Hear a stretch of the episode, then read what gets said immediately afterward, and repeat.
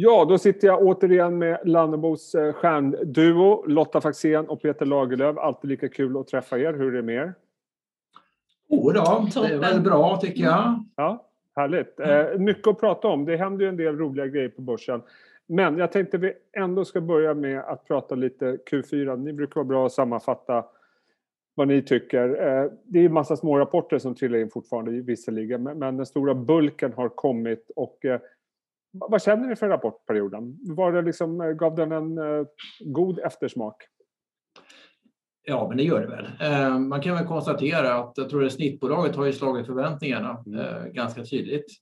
Um, och det är väl ganska brett. Det är svårt att prata i sektortermer tycker jag. Men, men det som har varit den gemensamma nämnaren är väl att kostnaderna har varit lägre än förväntat. Och sen har topline varit ungefär som väntat. Uh, så att jag tror den typiska analytikern som för ett bolag får nog justera upp sina estimat en del, men inte så mycket ändå, för då har man nog velat haft lite mer av topline-tillväxt. Kan det också och det, jag, tror, jag tror att det verkar vara så att valutorna har stökat till det lite mm.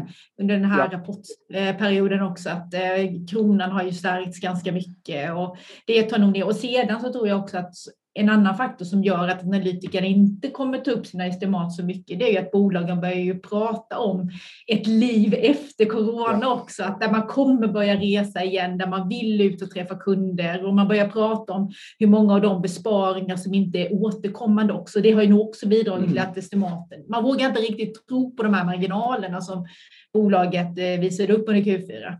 Nej, det, det håller jag med om. Jag är lite förvånad att inte fler bolag eh, tog upp det själva. Jag tror Lifco gjorde det till exempel och sa att våra marginaler påverkades definitivt av att vi liksom inte haft mässor och resor och så vidare. Så att, eh, eh intressant, men, men topline behöver nog komma upp lite grann, eh, håller vi med om. Men, men annars, om man tittar på börsen just nu så är det ju Alltså jag, jag brukar säga, och jag är ju lite småpessimistisk i grunden, att jag tycker att ser lite varningssignaler lite varstans. Men den här veckan fick vi ju faktiskt en ordentlig sättning på Nasdaq framför allt. Inte de övriga börserna i USA på samma sätt. Och vi ser här nu också att svenska techaktier eller vinnare eller tillväxtaktier, kalla vad du vill, eh, föll kraftigt. Eh, hur resonerar ni kring det? Är det liksom bara vanlig vinsthemtagning eller är det något annat som spökar?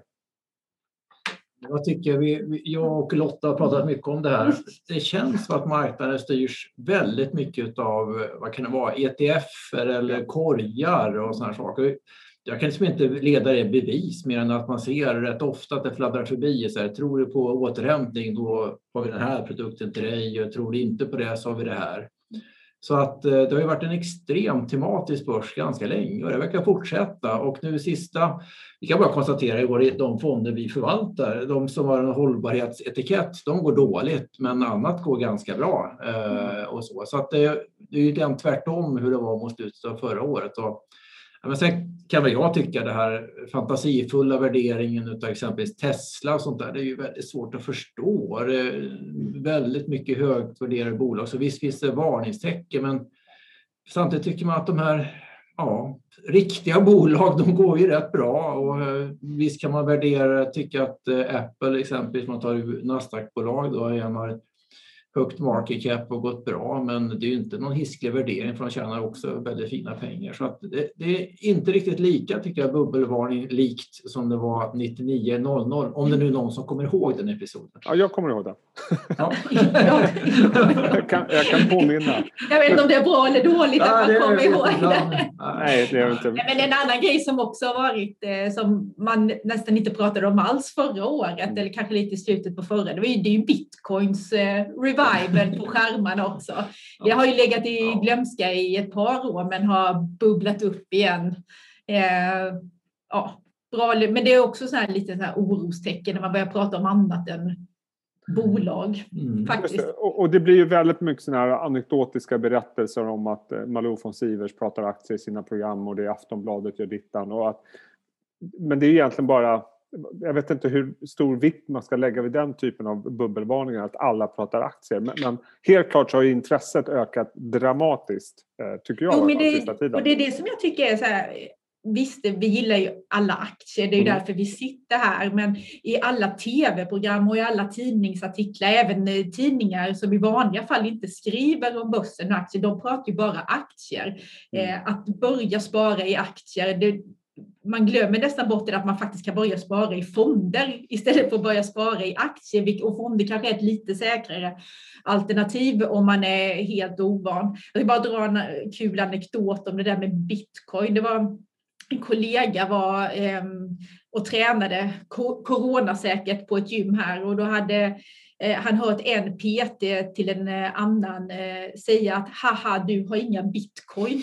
Så att det har ju bubblat ner ja. ganska lite överallt nu. Här. Ja, jag har inte heller bitcoin. Tyvärr. Men om man försöker titta på, lite grann på, på var vi står någonstans. För det är ändå så att räntorna har börjat röra sig uppåt. De långa räntorna framför allt. Inflationen har kommit tillbaks igen, eh, börjar pratas allt mer om. Eh, samtidigt som vi liksom har centralbanker och politiker som liksom bara pumpar ut pengar och lovar att de kommer stötta marknaden i vått och torrt. Var kommer det här sluta någonstans? Är, liksom, är det rationellt tycker du Peter till exempel? Vad, vad, vad känner du för det? Jag känner det här med eh, inflationsrisker har kommit upp väldigt mycket. Mm. Sen, sen så är den faktiska inflationen fortsatt låg och ligger ja. en bra bit under olika mål och sånt där.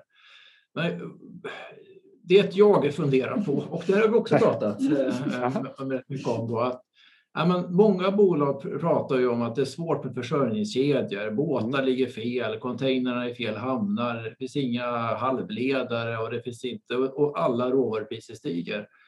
Frågan är hur mycket som är faktiskt beror på efterfrågan och frågan är hur mycket som beror på covid-19. Då. Mm. Och jag börjar luta åt där att det känns ju som att eh, när de här försörjningskedjorna, länder öppnar upp igen, saker och ting börjar fungera normalt, då, skulle de här, det är inte, då tror jag att de här råvarupriserna kommer falla ner rätt mycket igen, är det talat. Så jag har svårt att se att det är någon så här påtaglig eh, bred uppgång i allt. Mm. Eh, det, det, ser i alla fall inte jag i de grafer jag tittar på. Då. Så att det är möjligt att återigen att man känner just nu då att man är kanske lite för orolig för inflation och att det är en inflationsimpuls som ganska snabbt från grundande värde börjar fungera normalt. Då. Jag, jag håller koll framför allt på såna lönekostnader och liknande, för det, det, brukar vara där som i slutändan innebär om, om en centralbank blir bekymrad eller inte över, över inflation. Eh, och det, svaret på den frågan, och, och, och, där hittar man väl svaret till varför exempelvis eh, Fed är så lugna, det är ju att arbetslösheten är ju det är fortfarande ungefär 10 miljoner amerikaner färre som är sysselsatta nu jämfört med eh, före covid exempelvis. Då. Och det finns väldigt få tecken på någon uppgång i lönekrav och sådär. Så att, ja, jag vet inte. Jag, ja, man kanske är naiv, men jag tror att det här blåser över. Ja, och samtidigt om man tittar, om man tittar lite grann på hur ni gör. För om, om man läser Bofas eh, investerarenkät som jag tycker är väldigt kul att titta på. Där liksom visar ändå att eh, de flesta säger att de har en högre risknivå än vad som är normalt. Och att man äger mer aktier än vad man brukar göra. Mm. Eh, gäller det er också Lotta? Nej, men jag vet inte riktigt vad andra menar med att de har en högre risknivå än normalt. Jag vet inte om det är att de har jättemycket räntor annars och mm. lite mer aktier nu. Men vi har ju Alltså, vi har väl relativt höga aktieandelar i våra blandfonder, men eh, det baserar vi på att länder så ska börja öppna upp igen och eh, ska, att världen någonstans ska börja normaliseras. Och sedan så tror vi att de här stimulanspaketen, det kommer ju leda till högre efterfrågan. Även om långa räntan i USA har tickat upp en del så är ju så räntorna fortfarande på väldigt absolut låga nivåer. Eh, men det är väl snarare den här snabba riktningen som har varit. Men vad är tioåringen i USA, är det 1,30 nu kanske? 1,30. Ja. Det är, ju, det är inte så högt egentligen. Det, det, krävs betydligt högre räntenivå innan eh, fonderna börjar vikta över till mer räntepapper. Alltså. Ja. ja.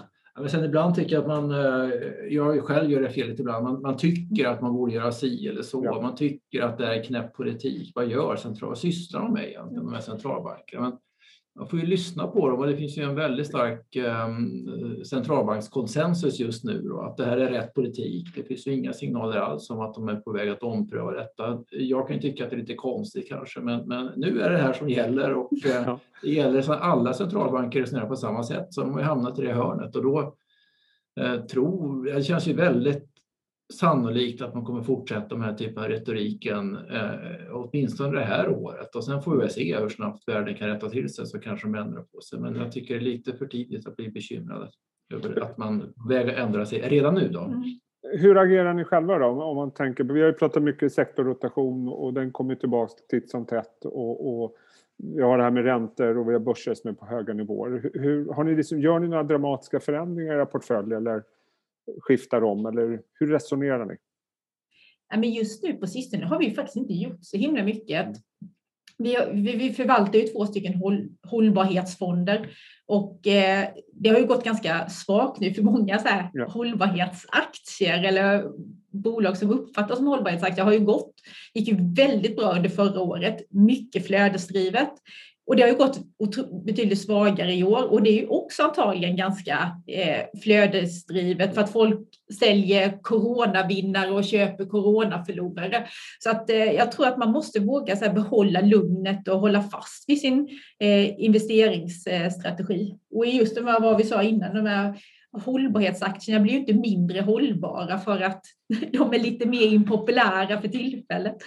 Sen, sen tänker jag så här också att det här oljeprisuppgången, den är ju som, det är ju fantastiskt bra för alla egentligen, eh, den här omställningsprocessen. För det har ju varit ett problem att oljan har varit så för billig helt enkelt. Då finns det inga riktiga incitament att försöka byta ut fossilt till någonting annat. Eh, nu, ja inte äntligen, men jag tror argumenten för exempelvis vindkraft och den typen av bolag vätgas eller var, vara må liksom så här, har ju snarare blivit stärkt. Så den, alltså hela omställningen kommer gå fortare skulle jag tro. Då.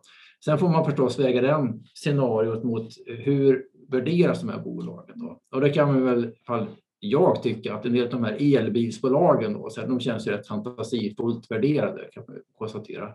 Däremot finns det ju en del av de här vindkraftproducenter och elproducenter och så liknande som helt plötsligt ser rätt attraktivt värderade ut. Då. Så att eh, även här inom det här hållbara spacet så är det ganska stor skillnad nu mellan eh, riktiga bolag som tjänar pengar och sådana förhoppningsbolag och en del värderingar kommer se rätt attraktiva ut. Och den här hållbarhetstrenden kommer ju vara stark de kommande åren, det kan man vara rätt säker på. Då. Och det som man skulle kunna önska lite, det är väl att det under för, slutet på förra året och i början av detta har det ju varit en ocean av eh, hållbarhetsrelaterade bolag som har gått till börsen med liksom nästan ett, de har ett kontor och en idé på ett papper utan någon verksamhet. Det hoppas man nästan att det ska lugna ner sig lite mm. så att det kan liksom bli Tillbaka ja, till fundamenta. Lite, lite mer nyanserat eh, fokus på men, men blir det inte väldigt, väldigt så här mycket i en sån här marknad att det blir liksom väldigt binärt som, som du var inne på tidigare. Nu ska ja. man ha coronavinnare, nu ska man ha coronaförlorare. Vi har som heter BHG Group pratar med någon som är ner 25 procent i år. Och det är ju inte så att människor kommer sluta underhålla sina sommarställen så fort de får vaccin i armen. Det verkar vara lite grann av och på hela tiden. hur mm. märker ni att det, den, det har ökat också? Den tanken, kanske kortsiktigheten man ska kalla det för lite finare. Ja, men jag tycker att det märks från för, vad säger man, mäklarkommentarsflöde. Liksom, så okay. Det känns väldigt tematiskt. Det tycker jag var en, en, var en mm. observation. Sen är det inte deras fel heller, för att jag tror hela bransch har blivit detta eh, mm. just nu. Då. Det har blivit så otroligt binärt. Eh, sen är det ganska intressant, man tittar på de här gröna aktierna. De gick ju jättebra i slutet på förra året. Fram till den 8 januari just. Då, då var det kört. Var en formidabel eh, våg av någonting, antagligen flöde. Och sen den dagen precis, vände alla ungefär samtidigt. Också väldigt konstigt mm. att alla blev mycket sämre då. Eh, på samma sätt som uppenbarligen blir mycket bättre fram till den 8 januari. Ja, men det är väldigt flödesdrivet. Det måste ju vara på det sättet. Mm. Och, och, avslutningsvis, hörni, eh, småbolag har ju diskuterats också och eh, ni hade en graf på ert får säga igen, eminenta Twitterkonto eh, som visade att småbolag inte riktigt har hängt med i Sverige i alla fall. I USA tror jag det har gått väldigt starkt, eh, småbolagen. Hur, hur förklarar ni det? Är det också en del av de här binära rörelserna eller kan det vara något annat? Fastigheter till exempel har ju gått svagt sista tiden. Hur resonerar ni kring det? Ja, men fastigheter är ju en ganska stor del av ett svenskt mm. småbolagsindex och i takt med de här att räntorna har tickat upp så brukar alltid fastighetsaktier gå lite sämre. Så att ja. det är ju en eh, stor del av förklaringen. Men sedan är det ju många av de här ja, coronavinnarna som finns bland småbolagen också och som också har tappat eh, mycket i år. Mm. Sen kanske man är, det här är man ute på lite djupt vatten, men en annan av de här sto, stora som här bolagen också har ju faktiskt som har gått som raketer under förra året har faktiskt lämnat småbolagsindexet mm. också ja. och har fortsatt att växa eh, på utanför det helt enkelt. Då. Mm. Men fastigheter är väl den största sektorn i, i småbolagsindex och eh, i alla fall en betydande sektor. Och um, det är väl en viktig förklaring. Det känns inte så hett med fastigheter just nu. Då. Nej, det gör inte det. Uh, avslutningsvis då, hur, det känns ändå som ni är hyggligt optimistiska uh, vad gäller börsen framgent, även om det är liksom lite tvära kast här och där. Som det brukar vara ibland. Jo, det får, jag tycker klart, är man, håller man på med aktier tror jag man kanske, även om du är lite pessimistisk Jesper. Så, ja, ja, det måste jag vara. Både jag och Lotta tror jag är lite mer optimistiska ja. hållet. Men jag tänker så här, så att vi står väl ändå inför en, en konjunkturuppgång ja. eh, här det här året och den borde väl kunna fortsätta ett par år till tycker man, givet hur mycket lediga resurser som finns då.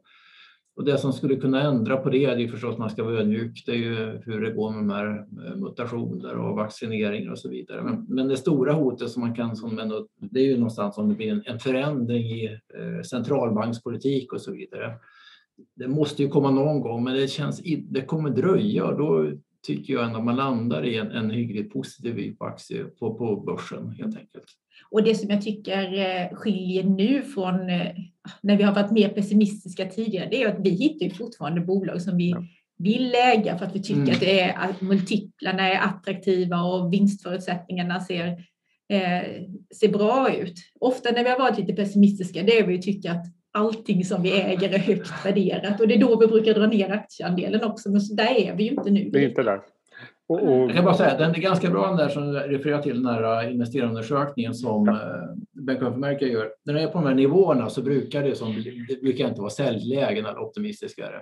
Men min erfarenhet säger också att det kan svänga otroligt snabbt. Så får man den här sättningen på 5-10 procent som vi kanske är inne i nu, vad mm. vet jag, då kan det här sentimentet ha förändrats mycket påtagligt nästa månad. Så att de här svängarna går väldigt fort i den typen av undersökningar. Mm, ja, spännande. Jag vill bara äh, rätta er. Jag är, jag är, inte pessimistisk på grund av värderingar. Jag är pessimistisk för att jag tycker att jag låter lite smartare när jag är det. Och äh, ja. framförallt så blir jag positivt överraskad hela tiden. Eh, Vad skönt! Vad kul!